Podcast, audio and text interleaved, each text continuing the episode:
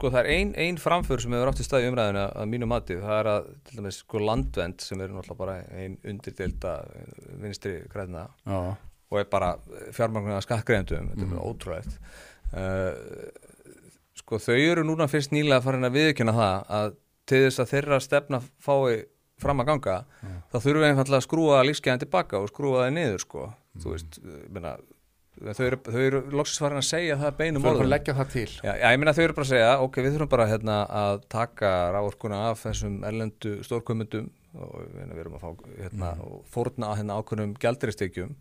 þetta eru til dæmis gjaldiristekjum sem við þurfum til dæmis, sem við þurfum til dæmis til að flytja inn ramaspíla en það er annar mál. En, en, en þú veist, og það, ok, þetta er bara þeirra sjónamið, við bara þurfum að draga úr neyslu, við þurfum bara að fara útlanda og bara fara að stunda það oftar að fara út í sveit og týna grös og drekka kakó. Og ég meina það er bara eftir þá frekar að vera okkar arþreying heldur en eitthvað annað eins og til dæmis á þetta tenni. En ég meina þetta eru, hérna, þú veist, þau eru með þennan valmöguleika og þá það bara og- almenningur að gera upp þessu Já, hvort það já. vilja fylgja þeim að máli. Já, já, meina, menn, já, já, akkurat en ég meina, þú veist, þetta eru valmöguleikanir og ég meina, og þeir, þeirra skoðun er alveg meina, eða þannig en ég er mjög ósamálanni en það geta allir haft þessu skoðun. En er ekki verða svo, svo svolítið vatnaskil einhvern veginn í að hérna, sko, við erum þetta uh, rosa stolt af landin okkar og, og, hérna, og þessu veist, fallega hérna,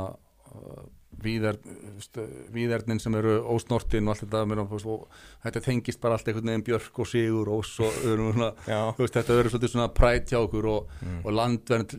er um, um, tí, um tíma eitthvað svona samtök sem að sem að margir íslendingar eru með, með sympatískir eh, gagvart mm -hmm. en svo er bara svona komið ljós bara smátt og smátt að þetta er bara brjáluð bara öfga hriðverka samtíma og veist, er, er ekki að vera eitthvað svona vatnaskil í þegar fólk er að átta sig á herru, þetta, er- þetta er veist, þetta er ekki bara allt Björk og Sigurós við þurfum að, veist, að vakna aðeins og, og finna lyktin af kaffinu. Já, ég meina, við bara höfum það gott hérna, við getum bara leift okkur að nota peninga skattborgara í að vera með tíu manns á einhverju skrifstofu í að, hérna, halda frá þessu sjónamöðum mm -hmm. allt, sko, er, ég, er ég, það þannig, er landvend er fjármarna hvernig? ég er náttúrulega með eh, einhverjum svona aðildargjöldum en Já. þeir eru líka bara að fá fullt af pening bara hérna á hjálflegum sko. Já, það er svo veist já, já, já, já hérna meina Guðmundur Ingi Guðbarason sem var nú umhverfis á þeirra á síðast er það ekki lengur Ég meina, hann var formað landundar hann fór í pólitíkina. Ég og þannig að það skúfufjöð hefur síðan bara rætt á Já. það alveg. já, já, þeir, þeir fá ennþá pening þaðan sko og bara ég held að allir uh, ráðherrar sko sem hafi verið, í umhverfisráðundinu hafi ekkert þórað að kötta á þetta sko því að þá náttúrulega bara er auðvöld að hérna, hengja menn fyrir að hata náttúruna sko. En, en ég held að það sé að renna upp fyrir fleirum og fleirum núna að þetta er ekki að ganga svona sko það er eins og það gleymist sko, þú veist hvernig Ísland f- fór úr því að verða svona, allavega sérstaklega fyrirlötu 20. aldar og vera fátakasta ríki í Európu uh, það er þarna 1968 eða 9 sem að uh, hotsteinin er laður að búrfælsvirkjun og að því tilefni þá er Jóhannes Nordal heitil, þá er hann stjórnafómar landsvirkjunar og hann segir hérna í ræðu þegar uh, verið að leggja hotsteina búrfælsvirkjun sem var þá byggð til þess að selja inn á álverið í Strömsvík að núna sé að eiga sér stað sko landnám þið síðara sem að hérna, mér finnst að finnst að, finnst að hafa komist vel að orðið þar sko af því að bara núna byrjar næsti kapli sko. Og í rauninni frá því að við byrjum að nýta þessar auðlindir hérna, til að framleiða orku og selja inn á auðnað þá fór þetta fyrst að gerast ég meina þetta er svona upp eftir 1970 Já, þetta eru stærstu, þessar stóru byltingar, minna, hérna, og, og, og þú veist,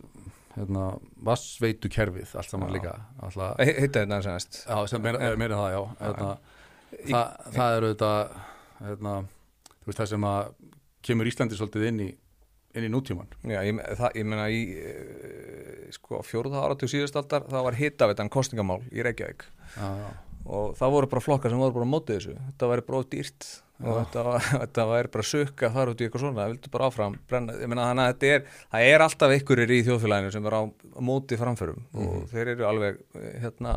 eru er alveg með okkur ennþá í dag sko, þannig að við þurfum bara að hafa það hugfast og maður það bara anda með nefunu og halda fram að berjast sko